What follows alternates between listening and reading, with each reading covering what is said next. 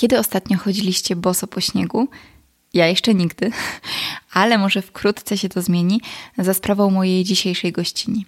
Cześć, dzień dobry, tu Joanna Pachałko, a to jest podcast Babka Natura, w którym rozmawiam z ludźmi żyjącymi i pracującymi blisko natury o tym, jak się do tej natury możemy zbliżać.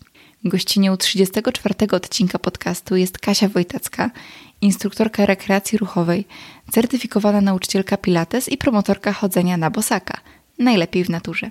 Jeżeli zastanawiacie się właściwie, dlaczego warto chodzić boso o każdej porze roku, jak nasza stopa reaguje na różne naturalne powierzchnie, na czym polega uziemienie i co to są tak zwane bose buty, serdecznie zapraszam Was do wysłuchania naszej rozmowy.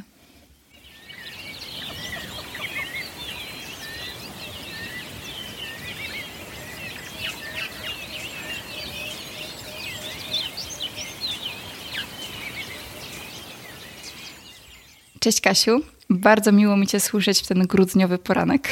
Cześć Asiu, bardzo Ci dziękuję za zaproszenie do Twojego podcastu. Jest mi bardzo miło, że możemy sobie właśnie dzisiaj porozmawiać trochę. Tak, mi też jest super miło, że udało nam się zgrać terminy. I Kasia, Ty jesteś instruktorką rekreacji ruchowej, jesteś trenerką i promujesz chodzenie boso. I tak jak myślałam sobie o naszej rozmowie, to próbowałam sobie odtworzyć w pamięci, kiedy ja ostatnio chodziłam boso. I oczywiście zdarzyło się to nawet dzisiaj, bo musiałam wstać z łóżka i przejść do łazienki. Trwało to jakieś dwie minuty.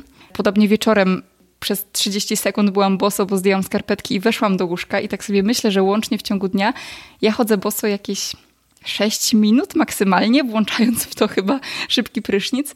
E, a wiem, że ty często e, mówisz o tym i edukujesz o tym, że chodzenie boso jest bardzo ważne. Ja cię od razu chciałabym o to zapytać. Dlaczego chodzenie boso jest tak ważne? Co nam to daje? I jakie są korzyści i dlaczego, tak zakładam, ja powinnam też chyba częściej chodzić niż te 6 minut w ciągu dnia. Myślę, że mm, to nie jest tak, że jesteś jakoś e, tutaj odosobniona w tym, że mało chodzisz boso. Wszyscy mało chodzimy boso.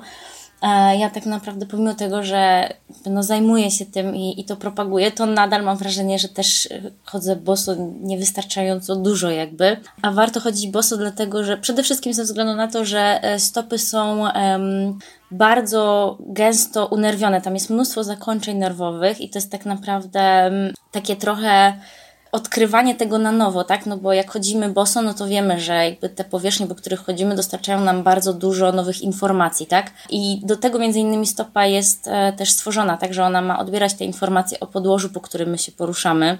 Informuje też, jak całe ciało ma się zachowywać, tak? A jak mamy właśnie jakieś sztywne buty albo buty z grubą podeszwą, to od razu gorzej reagujemy na to podłoże. Poza tym stopa jest też odpowiedzialna za termoregulację, tak? No bo jak na przykład śpimy i czy tam leżymy pod kołdrą, a wystarczy, że wystawimy stopę e, i od razu nam się robi troszeczkę chłodniej, prawda? Tak. Więc to jest też taka bardzo ważna funkcja tej stopy.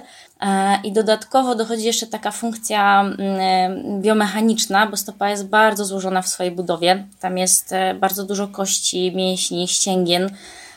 Naprawdę jest to ogromna ilość, jakby, w, jakby biorąc pod uwagę, mm, jak jakich gabarytów jest stopa w stosunku do reszty ciała. E, no i nie jest tak bez powodu, dlatego że to, co dzieje się w stopie, wpływa nam na wszystkie wyższe piętra ruchu, tak? Czyli to, co się dzieje w stopie, może mieć nawet reperkusje, e, nie wiem, w bóle głowy albo w, w narządzie rzucia i mowy, tak? Więc to, to jest taki bardzo złożony mechanizm, Gdzieś tam oczywiście mówi się o tym, że wszystko jest ze sobą połączone, ale mm, no te stopy gdzieś tam też ja przez jakby dlaczego się zainteresowałam sto, swoimi stopami, znaczy swoimi w ogóle stopami, mm. no to zauważyłam, że naprawdę przytłaczająca większość ludzi ma te stopy albo bardzo zdeformowane, albo właśnie jest jakiś taki duży problem sensoryczny w ogóle nawet ze zdjęciem skarpetek, tak? A to jest, no, no jest to po prostu ma to niebagatelne znaczenie dla, dla naszego zdrowia takiego i tak jak mówię, no i, i neurologicznego, ale też właśnie dla biomechaniki, czyli dla tego, jak się mm, poruszamy, tak? No właśnie, powiedziałaś o tych skarpetkach.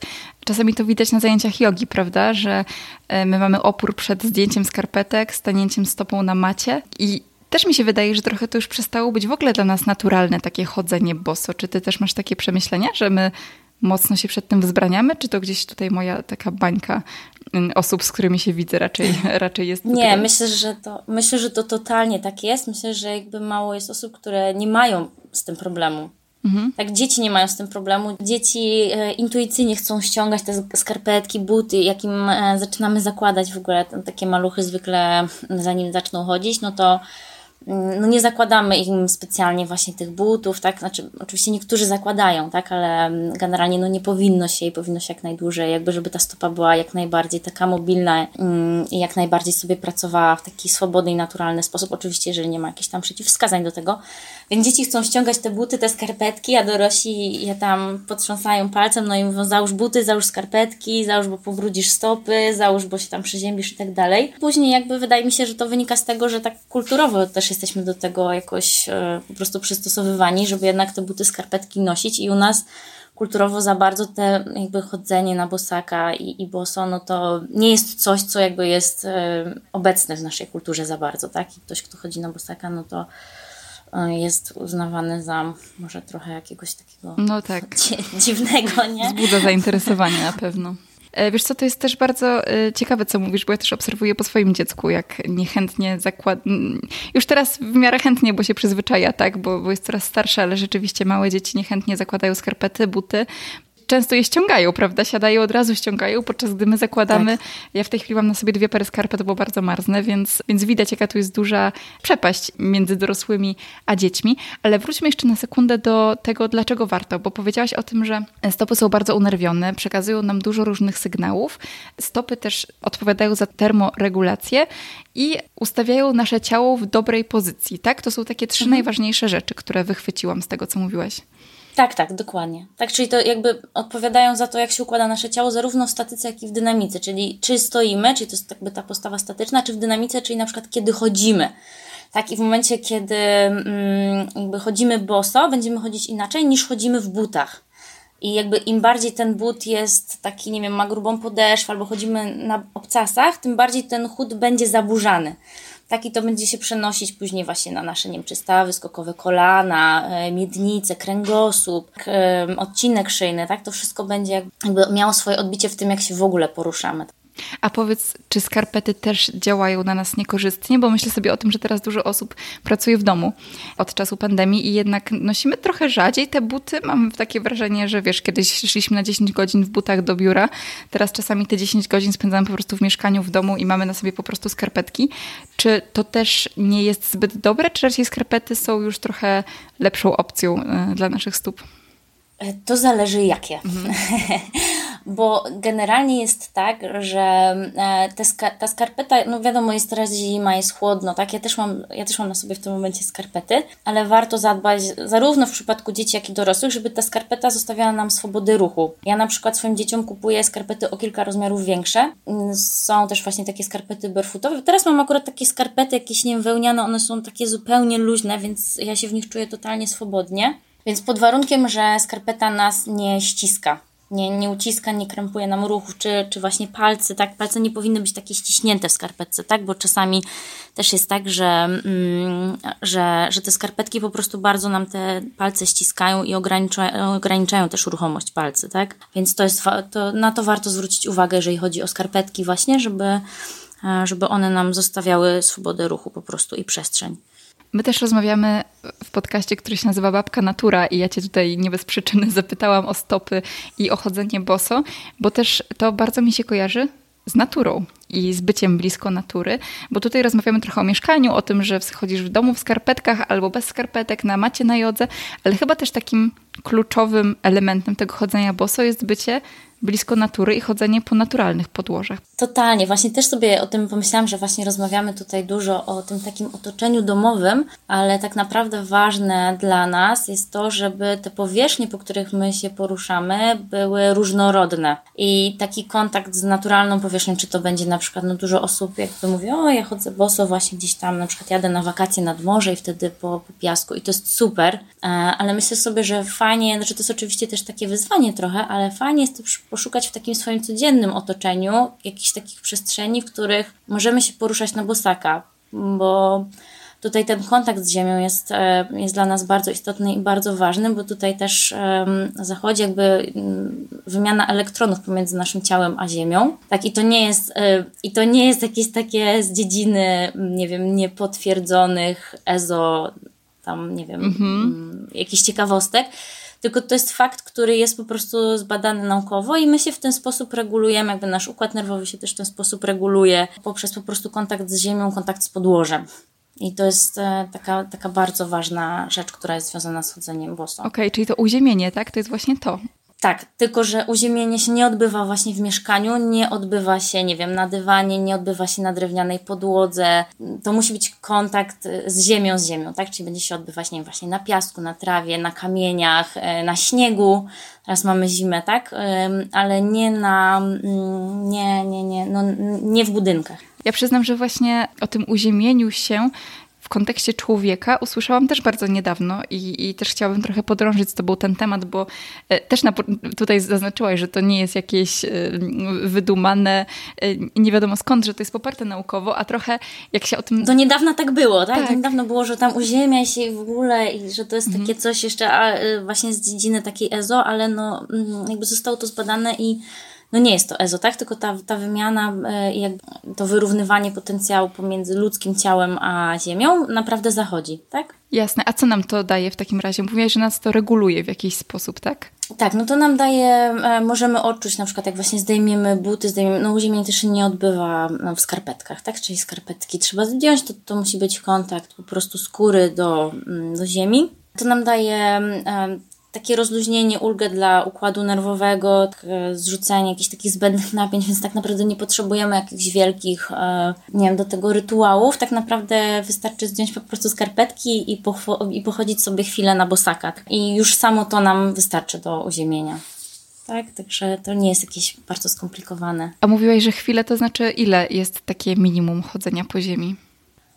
E, w sensie chodzi ci o minimum dla uziemienia? Czy, tak, minimum dla uziemienia jakby... i drugie minimum to w ogóle ile powinniśmy czasu spędzać po prostu bez butów codziennie. Jak, jak to wygląda twoim zdaniem?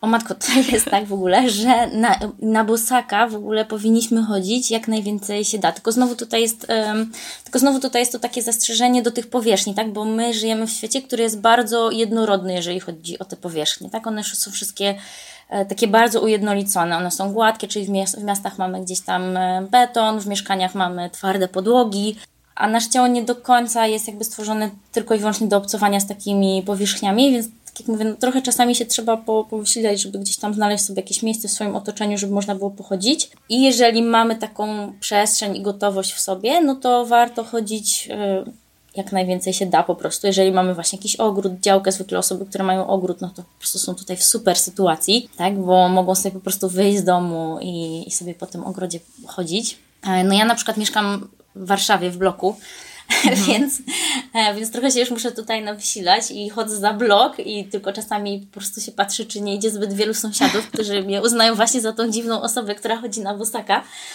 nawet w zimę. więc, więc tak, no powinniśmy chodzić jak najwięcej, po prostu mamy możliwość, tak jak najwięcej się da. Tak nawet jeżeli jesteśmy, załóżmy w biurze, no to może zdejmowanie butów nie, ale może właśnie zmieniać sobie buty na jakieś bardziej wygodne, bardziej takie, które będą e, dla naszego ciała i dla naszych stóp korzystne. A takie minimum dla uziemienia to jest jakieś określone, że to są 3 minuty, 5 minut, a może 15? Wiesz co, z tego co ja wiem, a nie chcę teraz wymyślać, to nie znam jakby takiej normy, ile, ile to jest. Więc nie będę po prostu wymyślać, tak? Ale tak naprawdę, jeżeli jakby jesteśmy w takim stanie napięcia, zdejmiemy te buty i rzeczywiście staniemy na tej ziemi, to efekt jest no, praktycznie natychmiastowy. To prawda, jak ja sobie też sięgam myślami do takich momentów, kiedy latem chodzę na boso po trawie na przykład albo po piasku, jest w tym coś takiego relaksującego, prawda? To nam daje takie poczucie uspokojenia, ukojenia i w ogóle to jest ciekawe, że powiedziałaś, że warto też chodzić zimą po śniegu. Ale czy to nie jest tak, Kasia, że tutaj się odezwą zaraz wszyscy, którzy powiedzą, przecież stopy przemarzają, przez stopy wypływa mm, całe ciepło naszego ciała. Jak możemy chodzić po śniegu? Przecież się przeziębimy. E, wiesz co, ja jestem straszliwym zmarzluchem generalnie. Znaczy zawsze byłam i staram się nad tym pracować jakby na, na tyle, na ile mogę, jakby, no bo też nie wszystkie, jakby już sprawdzam, ale nie wszystkie, nie wszystkie rzeczy jakby w, właśnie jeżeli chodzi o ten kontakt z zimnym są dla mnie ok, ale akurat jeżeli chodzi o hartowanie stóp, to też pewnie jest nie dla każdego, trzeba sobie popróbować. To jest też tak, że trzeba się najpierw też rozgrzać, trzeba te stopy rozgrzać, trzeba właśnie chwilę jakiegoś e, truchciku sobie zrobić, jakoś tak, żeby rzeczywiście ta krew zaczęła szybciej troszeczkę krążyć. No i właśnie ten kontakt ze, ze śniegiem, no to jest takie hartowanie, tak? Czyli też ta krew szybciej będzie napływać i to dosłownie to hartowanie, no to jest, może być nawet, no nie wiem, minuta, dwie, tak? Dla takiej osoby, która albo nawet samo dotknięcie, tak? Tylko, że nie można stać wtedy na śniegu, tylko trzeba się poruszać, trzeba też chodzić na tym śniegu, tak? Żeby to nie było znowu w statyce, tylko żeby cały czas e, był ten przepływ mm, krwi gdzieś tam stymulowany, tak?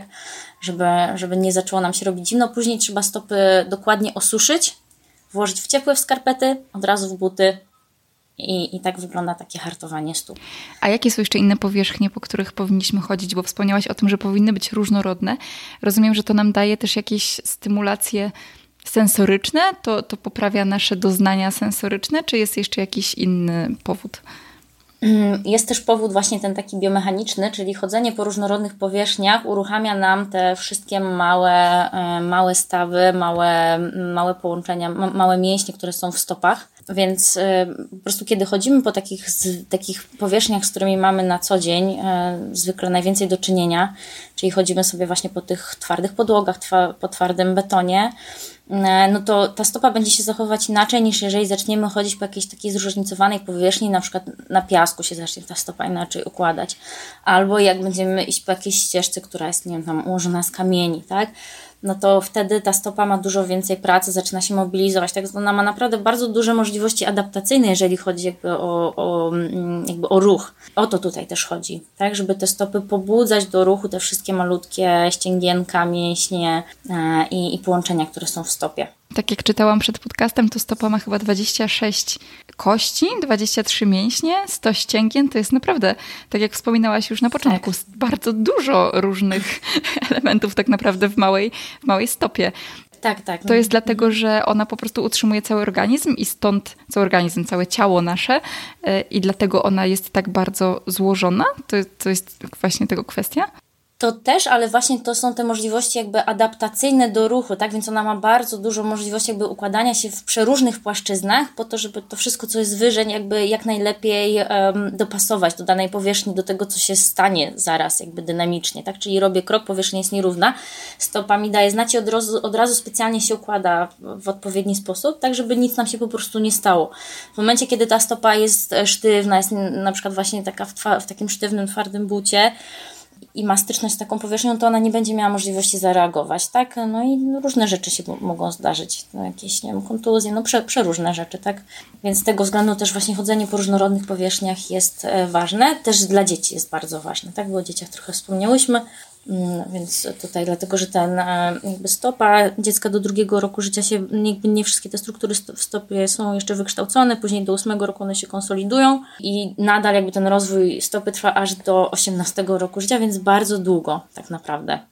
Mówiłaś o tym, że stopa jest bardzo zróżnicowana, że ona dostosowuje się do powierzchni, a z drugiej strony, ja też sobie zanotowałam do Ciebie takie pytanie, czy chodzenie boso ma sens w dzisiejszym świecie, bo tak patrząc z zewnątrz na stopę, ona się wydaje kompletnie niedostosowana do chodzenia boso. Wiesz, ma taką cienką skórę na podeszwie. To nie jest stopa hobbitów, nie, nie jest um, owłosiona, nie jest twarda, gdzie wydaje nam się, że to powinno być takim wyznacznikiem chodzenia boso. Bo tak jak mam wrażenie, że jak sobie wyobrażamy to, że moglibyśmy na przykład pójść boso do lasu, to od razu wyobrażamy sobie również, że szyszki, jakieś igły trawy, wszystko nam się wbije w tą stopę, kamienie, wrócimy po prostu poranieni e, i na tym się skończy. Więc jak to jest, że ona jest taka delikatna, a jednocześnie jest dostosowana do tego chodzenia boso? Znaczy, jeżeli chodzi o te dzisiejsze czasy, to ja myślę, że tutaj fajnie jest sobie poszukać takiego kompromisu pomiędzy jednym a drugim, jakby, czyli tymi butami takimi już totalnie jakimiś, nie wiem, niby high-tech, ale które są dla nas jednak bardzo taką dużą izolacją, i izolacją i ograniczeniem z jednej strony, no a z drugiej strony gdzieś tam takim totalnym, e, nie wiem, no chodzeniem tylko na bosaka, tak, no bo to też nie jest, e, no nie jest do końca możliwe, tak, no musimy jakby być tutaj szczerzy, mhm. chyba pod warunkiem, że ktoś mieszka gdzieś tam, e, nie wiem, właśnie no, w jakiejś e, odosobnionej lokalizacji, gdzie może sobie cały czas chodzić na busaka. E, no ale rzeczywiście, jak, jak spojrzymy na te stopy osób, um, znaczy ludzi gdzieś tam właśnie, którzy cały czas jeszcze żyją w taki sposób tradycyjny, no to one rzeczywiście wyglądają jak takie stopy hobbita, tak? Czyli takie właśnie są no zupełnie inne niż, niż te stopy, które my gdzieś tam widzimy w przekazach, które nas otaczają. I trzeba sobie tego jakoś właśnie tak poszukać, nie? że właśnie kiedy mogę chodzić boso, gdzie mogę chodzić boso, ale też właśnie nie przesadzać szczególnie na początku, tak? Bo tak jak mówisz o tym, że jeżeli teraz usłyszymy, że no to chodzenie boso to jest takie fajne i pójdziemy gdzieś tam w teren, i sobie coś zrobimy, no to możemy się skutecznie zniechęcić do tego na dłuższy okres. Chodzi o to też, żeby to wprowadzać stopniowo, tak, żeby właśnie mm, złapać trochę kontakt ze swoimi stopami, tak, trochę wzmocnić to połączenie głowa-stopa, robić ćwiczenia dla stóp, właśnie chodzić boso wtedy, kiedy mogę, tak, szukać właśnie tych różnorodnych powierzchni, żeby troszeczkę tą stopę jakby mm, pobudzać i przystosowywać do, do tego chodzenia boso. Ale to też ciekawe, co powiedziałaś, że tak jest trochę, że stopy osób, które tak żyją bardzo naturalnie albo właśnie żyją w takich kulturach, które chodzą boso, są twardsze, prawda? I wyglądają trochę inaczej niż takie stopy. inaczej, tak. Niż takie stopy promowane w kulturze tej naszej zachodnio, takiej europejskiej. I zobacz, jakie to jest paradoksalne, bo my mamy takie wyobrażenie, że stopa jest taka delikatna, jest taka, taka niemuśnięta niczym praktycznie. Jednocześnie promujemy bardzo designerskie buty, które te stopy w jakiś sposób ograniczają. I to w ogóle się rozmywa z tym, jakie jest przeznaczenie stopy, prawda? Więc nasza kultura jednak faktycznie te stopy w ogóle troszkę traktuje inaczej niż, niż jest ich docelowe, docelowa rola, prawda? To jest dosyć ciekawe. Tak, no to jest też ciekawe z takiego względu, że, znaczy nie wiem, to tak mi się trochę wydaje, że też może dlatego, że 40% e, jakby obrotów przemysłu odzieżowo-obuwniczego, no to, jest, to, jest, to są właśnie buty, czyli 40%, czyli to jest bardzo dużo jakby w, w tym wszystkim i te buty gdzieś tam jakby dla nas to się troszeczkę równa, że twoje buty, jak masz fajne buty, no to tam nie wiem, ty jesteś fajna, nie? Mhm. E, no i właśnie kiedy spojrzymy na stopy, nie jest to wcale tak łatwo znaleźć, e, ale właśnie gdzieś tam mm, jak powinna być stopa ukształtowana, to ona ma zupełnie inny kształt niż ten, który my oglądamy mediach, tak? Bo teraz mamy taki obraz takiej stopy, która jest taka wąska, te palce są ściśnięte gdzieś tam, tak? A tak naprawdę ta stopa to powinna mieć taki kształt troszeczkę, że palce z przodu są szer szeroko dosyć ustawione, tak? Czyli, że jakby stopa nam tworzy taki trójkąt, gdzie tą podstawą właśnie są palce, tak? Czyli one są tak szerzej ustawione, tak? Szczególnie tutaj ten, mm, są takie, mówi się o takich trzech punktach podparcia głównych, które nam daje stopa, to jest nasada dużego palca, małego palca i środek pięty. I to nam wtedy powinien, powinien się tworzyć taki trójkąt podstawy, tak? Na którym my, my się właśnie mm, e, opieramy i w ramach którego jakby mm, przenosimy ciężar i dystrybuujemy wagę też podczas chodu, czy, czy właśnie podczas poruszania się. A jak widzimy właśnie ten obraz stopy, który dominuje w tym przekazie medialnym, to no, ona wygląda inaczej jednak, prawda? Jak sobie, jak sobie to widzimy też, jakie stopy widzimy, jak sobie to widzimy. jak sobie o tym pomyślimy po prostu, to też jakoś nie szokuje nas za bardzo to, że mm, te stopy są tak zdeformowane. Tak, to jest dla nas, buty są ładne, to jest, to jest ważne, a że stopa jest zdeformowana, no to jakby to jest część tej ceny, którą my za to płacimy, tak? I to jest jakby mhm. coś, co jest dla nas zupełnie normalne i o tym nikt jakby, albo mało kto myśli, że no coś tutaj jest nie tak. No to prawda, bo też jak mówimy o jakichś deformacjach czy, mm, czy chorobach stóp, no to oczywiście gdzieś tam nam jakieś haluksy się przychodzą do głowy i takie już bardzo charakterystyczne rzeczy, ale wydaje mi się, że też pewnie niewiele osób ma taką klasycznie poprawną stopę, prawda? To jest tak chyba, że te buty, od kiedy my się w nie wciskamy już od, od dzieciństwa, one tak już kształtują nasze stopy, że one nie wyglądają tak, jak ty opisujesz, prawda? One rzadko są takie rozszerzone na, na górze i układają się do tej pięty. My tak naprawdę w większości mamy już te stopy w jakiś sposób zdeformowane przez buty. Tak, y, jest tak, rzeczywiście, ale stopa ma też ogromną, jakby tak jak i całe nasze ciało, ogromną zdolność adaptacji. Więc jeżeli my jej damy przestrzeń do tego, żeby ona właśnie jakby sobie układała się tak jak chce i tak jak powinna, to ona zacznie inaczej pracować, ona zacznie inaczej się układać, tylko po prostu mm, ona powinna mieć do tego przestrzeń. I tutaj można sobie zrobić taki fajny test, wyjąć sobie wkładkę ze swoich ulubionych, najwygodniejszych butów i położyć na tą wkładkę stopę. Albo jeżeli się nie da e, wyjąć wkładki, no to po prostu na bucie położyć stopę i żeby zobaczyć rzeczywiście, jak ta stopa się na tej wkładce, na tym bucie układa. E, i czy rzeczywiście w tym bucie ona ma wystarczającą ilość miejsca. I wtedy sobie zobaczymy, że nawet nasze najwygodniejsze buty, które, o których myśleliśmy tak do tej pory, prawdopodobnie w jakiś sposób jednak e, nas ograniczają. No Właśnie, a skoro jesteśmy już przy butach, to chciałabym Cię podpytać o bose buty, których Ty też jesteś promotorką, e, które można u Ciebie w sklepie kupić i o których ja nie słyszałam, zanim nie zaczęłam obserwować Ciebie. Kasia, czym są bose buty? Bo wydaje mi się, że nasi słuchacze też jeszcze mogą nie do końca być zaznajomieni z tym konceptem. Tak, dlatego że generalnie u nas po buty jeszcze nie są jakoś tak y, bardzo znane, ale y, to są buty, które mają za zadanie odwzorowywać jak najbardziej naturalne warunki pracy stopy i mają kilka takich głównych cech. Najważniejszą pierwszą cechą to jest szeroki przód buta, tak zwany toe box, czyli to miejsce, gdzie y, znajdują się nasze palce, po to właśnie, żeby te palce miały, jak już wcześniej o tym mówiłyśmy, dużo miejsca, tak dużo przestrzeni i żeby mogły sobie po prostu tutaj właśnie w taki optymalny sposób pracować. E, drugą cechą tego, takiego buta, mm, barefootowego, bosego buta jest to, że Pięta i palce znajdują się na tym samym poziomie, bo w takich butach konwencjonalnych jest tak, że jednak pięta jest troszeczkę podniesiona w stosunku do palcy. I to wynika tam z takich technikaliów, jeżeli chodzi o konstrukcję tego buta, bo wcześniej się nie dało zrobić tak, żeby jakby ten przód buta się na tyle zginął, żeby te palce mogły pracować, więc oni sobie wymyślili, że podniosą trochę piętę. Niby to jest pół centymetra, ale te pół centymetra też ma znaczenie jakby dla, dla naszej postawy, dla tego jak my stoimy, dla, dla, dla, dla tego jak my się poruszamy. But barefootowy też nie ma podparcia e, łuku stopy e, podłużnego, czyli e, na przykład tak jak mamy Birkenstocki, no to one mają takie podparcie. Też wiele butów dla dzieci ma, tak jak sobie wyjmiemy wkładkę, to ta wkładka ma właśnie tutaj takie podparcie w śródstopiu. Te buty też mają dosyć cięż, cienką e, podeszwę, po to właśnie, żebyśmy byli w stanie odczuwać wszystkie właśnie powierzchnie, po których my się poruszamy.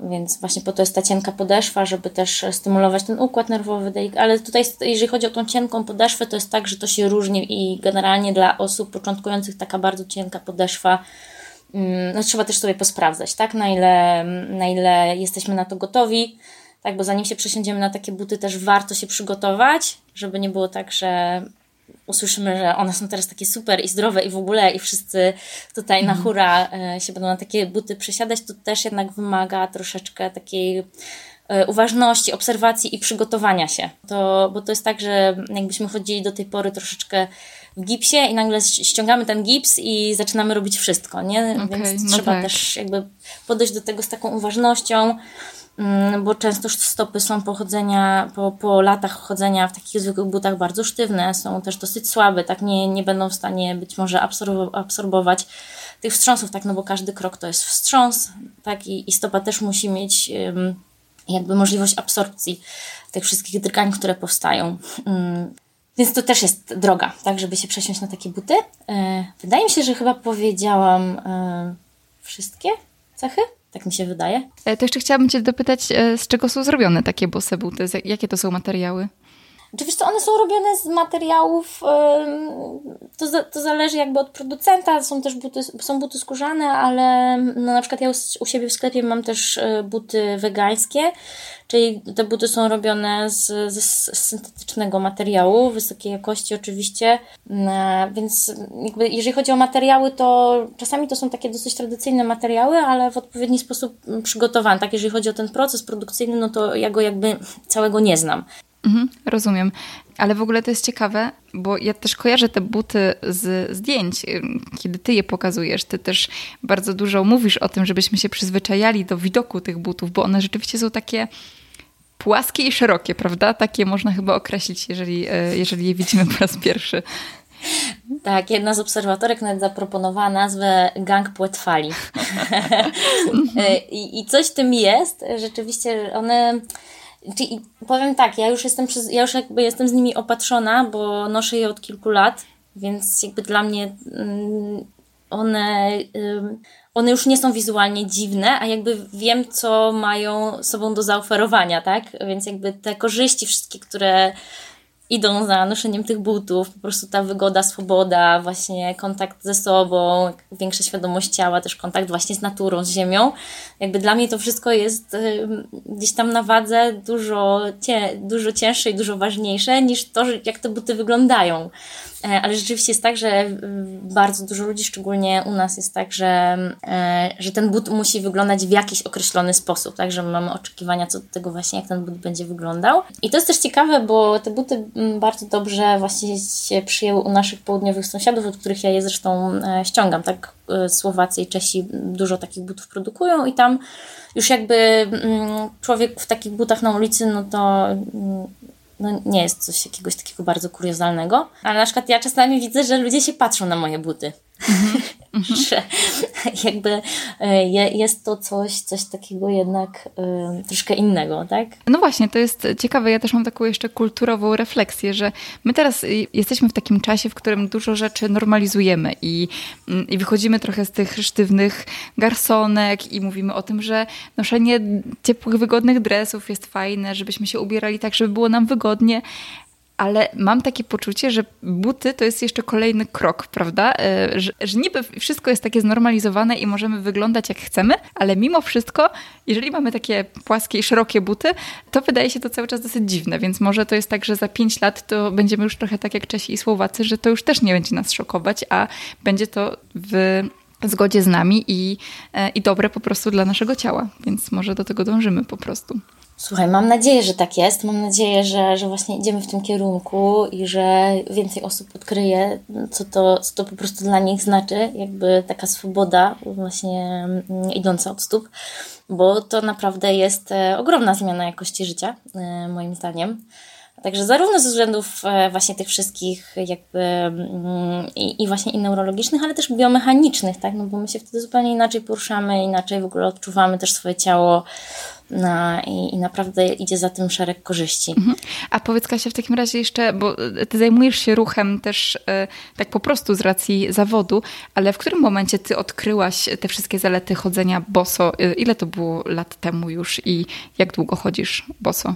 Ojej, wiesz co, generalnie to jest tak, że ja trenowałam sport, który się trenuje boso, ale miałam też e, później problemy gdzieś tam właśnie w pierwszej ciąży, w drugiej ciąży, że strasznie bolały mnie stopy, no bo jednak w ciąży jest tak, że mm, te wszystkie więzadła są luźniejsze i, i po prostu miałam troszeczkę takich problemów e, okołociążowych e, gdzieś tam ze stopami i później miałam te więzadła mm, gdzieś tam dosyć luźne. I jakoś tak, i później właśnie jakoś trafiłam na, na, na, na te informacje o bosych butach. No i też wdrażałam się stopniowo, to nie było tak, że ja z dnia na dzień po prostu, poza te buty są dosyć drogie, tak, więc jak ja zamawiam swoją pierwszą parę butów barefootowych, to, to był gdzieś tam spory wydatek. I, I, stopniowo po prostu się na te buty przesiadałam, tak? Czyli najpierw sobie kupiłam jedną parę i chodziłam właśnie tylko gdzieś tam po trawnikach, po lesie, tak? Szukałam sobie jakichś takich y, powierzchni, po których będę mogła się poruszać, bo po betonie jednak nie i, i jakby ten beton na początku to, to nie jest najfajniejszy pomysł. Więc wtedy tak naprawdę to było właśnie około 4 lata temu, jak się, jak się tym zainteresowałam i tak stopniowo, tak? I jak wymieniam te pierwsze, to już później coraz rzadziej mogłam nosić po prostu swoje buty konwencjonalne, e, bo było mi w nich po prostu coraz bardziej niewygodnie i, i coraz jakby rzadziej się godziłam na ten kompromis. A masz jeszcze jakieś takie buty konwencjonalne u siebie, czy już wszystkie są po prostu barefootami? E, wiesz co, generalnie wszystkie już mam wymienione. Także teraz nawet jakbym chciała, gdzieś tam jakieś buty robocze, mam e, jeszcze jedną parę butów, ale to takie ciężkie robocze, w razie czego właśnie do jakiegoś tam, nie wiem, e, pracy takiej w terenie. To mam takie, takie ciężkie robocze buty, buty mam jeszcze normalne, ale jeżeli chodzi o takie buty na co dzień, no to już wszystkie mam jakby wymienione. Moje dzieci też noszą takie buty. Syn nie od początku, ale moja córka od początku nosi takie buty. Więc tak. Okay. A to jeszcze dopytam, czy te buty są jakoś szyte na miarę, czy po prostu możemy je sobie wybrać ze sklepu i one raczej są takie same dla każdej osoby? Znaczy to jest też tak, że różni producenci jakby mają troszeczkę inne e, inne wymiary tych butów. To jest chyba jakoś, tak mi się wydaje, normalne i z normalnymi butami, jakby takimi konwencjonalnymi też tak jest. One mają standaryzowane kształty, tak? E, to, to nie są, to są buty szyte ręcznie, jakby produkcja jest ręczna, ale, mm, ale nie jest tak, że jakby dla każdej osoby jest szyty indywidualny but. Mhm. Wow. Więc one mają, um, więc one mają um, po prostu jakieś tam uniwersalne swoje formy. I, I, na tych formach są tworzone po prostu buty. Okej, okay. powiedziałam wow, bo też y, zaciekawiło mnie to, że są szyte ręcznie. To jest też chyba dosyć nietypowe, prawda? Tak, to jest nietypowe i, i właśnie ja troszeczkę się właśnie tego nie spodziewałam i mnie to bardzo zaskoczyło, jakby mm, jak założyłam sklep, bo czasami na te buty trzeba poczekać, e, bo jest tak, że one są szyte. E, niektóre są na stanie, ale na przykład takich nie ma, no to one są szyte dopiero, tak? To nie jest tak, że one przyjeżdżają wielkim kontenerem, wjeżdżają gdzieś tam e, do portu i później zjeżdżają po prostu z tym kontenerem gdzieś tam do jakiegoś magazynu. E, tylko jest tak, że rzeczywiście, jeżeli ktoś u mnie te buty zamówi e, i ich nie ma na stanie, no to ja wtedy takiej osobie piszę, że na nie trzeba będzie poczekać. No, to zwykle to szycie trwa 4-5 tygodni i tyle trzeba poczekać po prostu na te buty czasami. I to jakby dla nas w tym świecie, w którym my obecnie żyjemy, gdzie jakby ta konkurencyjność głównie się opiera na tym, żeby to było szybko już teraz, czyli nie wiem, rano zamawiam, a po południu mam, e, to jest, to jest też taki aspekt dosyć, e, dosyć ciekawy, jak mi się wydaje, ale w moim przekonaniu no, mm, bardzo taki właśnie bliski naturze.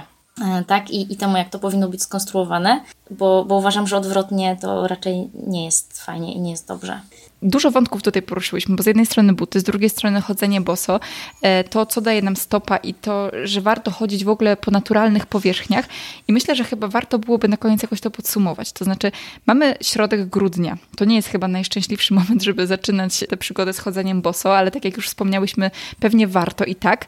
E, gdybyś miała dać kilka rad osobom, które mm, teraz usłyszały ten podcast, myślą o tym, żeby zacząć, to jak się w ogóle do tego zabrać? Co zrobić na początku?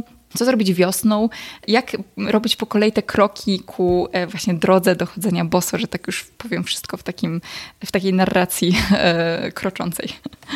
Wiesz co, y, teraz mamy grudzień, e, ale to wcale nie jest zły czas, znaczy żaden czas nie jest zły, żeby zacząć jakby, bo teraz możemy właśnie nawet w tych warunkach domowych zacząć wykonywać właśnie jakieś proste ćwiczenia dla stóp, albo w ogóle jakby odkryć to, jak się można ze swoimi stopami dogadać, tak, czy jest ta komunikacja na przykład właśnie ze stopą, czy jestem w stanie poruszać palcami w dowolny sposób, na przykład e, czy jestem w stanie e, podnieść sam duży palec, tak, a resztę palcy zostawić przyklejonych do podłogi. I odwrotnie, czy jestem w stanie zostawić sam duży paluch na podłodze, a podnieść e, resztę palcy, może możemy też zacząć stopy sobie masować na piłeczce, albo na przykład fajnym sposobem na obudzenie się z rana jest też, e, jeżeli mamy pranamatę, nie mówię, że stanąć, ale nawet postawić tylko stopę, tak? I, I, taką delikatną stymulację, tak? Jakby i dla krążenia, i dla układu nerwowego wtedy sobie dajemy. I stopniowo po prostu gdzieś tam e, do wiosny na pewno już e, się przygotujemy do tego, żeby jak się zrobi ciepło, żeby po prostu zacząć chodzić boso, chodzić jak najwięcej boso, właśnie może po jakichś różnych powierzchniach, po których do tej pory na przykład nie chodziliśmy, tak? I sobie sprawdzić właśnie jak to jest, co nam to daje, tak? Więc teraz właśnie ten okres taki y, zimowy, chłodny możemy sobie wykorzystać na to, żeby jakby wzmocnić to połączenie ze stopą, tak? Na różnego rodzaju, czy właśnie ćwiczenia stóp, czy też właśnie jakiś masaż, jakieś takie prace manualne, tak? E, nawet właśnie wieczorem, jak kremujemy stopy, to można sobie wykonywać jakieś ćwiczenia, czyli na przykład wziąć palce dłoni i włożyć każdy palec dłoni pomiędzy e, palce stopy, tak? Czyli tak jakby, jakbyśmy robili taki uścisk e, dłoni ze stopą. Tak, i to nam też e, pomoże jakby zmobilizować tą, tą stopę, właśnie zmobilizować te malutkie mięśnie, które się znajdują w stopie. Właśnie to też nam pomoże zrelaksować stopę, ale poprzez to właśnie też całe ciało. Kasia, a w takim razie tak sobie teraz przyszło mi to do głowy. Jaka jest twoje, twoja ulubiona powierzchnia do chodzenia boso? Czy ty masz taką swoją powierzchnię, do której najchętniej wracasz na przykład, bo jak ja sobie myślę o sobie, no to, to mi gdzieś przychodzi do głowy taka, taka zroszona trawa i, i to jest chyba coś takiego, co chętnie bym teraz poczuła. E, a jaka jest twoja powierzchnia? Wiesz co, ja lubię chropowate powierzchnie, ale lubię, lubię też na przykład jakieś takie małe kamyczki albo piasek. Lubię, jak to, jak to wszystko się też jakoś tak przesypuje i to wszystko tak właśnie fajnie czuć pod stopą. E, to ja chyba lubię. E, trawa też jest fajna, ale wolę właśnie chyba te takie chrupowate, jakieś takie, mm, gdzie dużo się jakby dzieje. E, to, to, to są moje takie ulubione powierzchnie.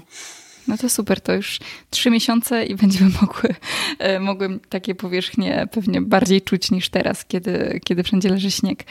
Dobrze, Kasia, ja Ci w takim razie bardzo E, bardzo dziękuję za tę rozmowę. Już na zakończenie chciałabym Cię tylko podpytać, gdzie można Cię w internecie znaleźć, jeżeli nasi słuchacze chcieliby e, więcej się o stopach dowiedzieć i e, kupić również bose buty. Gdzie Ciebie szukać? Można mnie szukać na Instagramie pod nazwą Kasia Nobosaka albo na moich stronach internetowych. Jedna się nazywa treningnabosaka.pl albo nabosaka.pl i nabosaka.pl to jest sklep z butami, ale jest też kilka wpisów właśnie takich blogowych mm, dotyczących właśnie czy bosych butów, czy jakichś prostych ćwiczeń takich, ale na Instagramie też jest trochę ćwiczeń właśnie dla stóp, które sobie można odszukać i, i po prostu zrobić. Także, także to są te miejsca, gdzie można mnie znaleźć. Super. To ja w takim razie serdecznie do Ciebie zapraszam i bardzo dziękuję Ci za rozmowę. Również dziękuję, dziękuję za zaproszenie. Dzięki. Dziękuję Wam za wysłuchanie rozmowy. Koniecznie dajcie znać, co myślicie o chodzeniu boso yy, i czy spróbujecie. Ja mam postanowienie, że od wiosny na pewno będę to częściej praktykować yy, i bardzo jestem ciekawa Waszych przemyśleń w tym temacie. Piszcie do mnie śmiało, najlepiej na Instagramie, bo tam jestem najbardziej aktywna. Yy, będzie mi też bardzo miło, jeżeli zaobserwujecie podcast w Spotify i zostawicie recenzję w Apple Podcasts. Jeszcze raz dziękuję Wam bardzo za ten wspólnie spędzony czas i do usłyszenia następnym razem.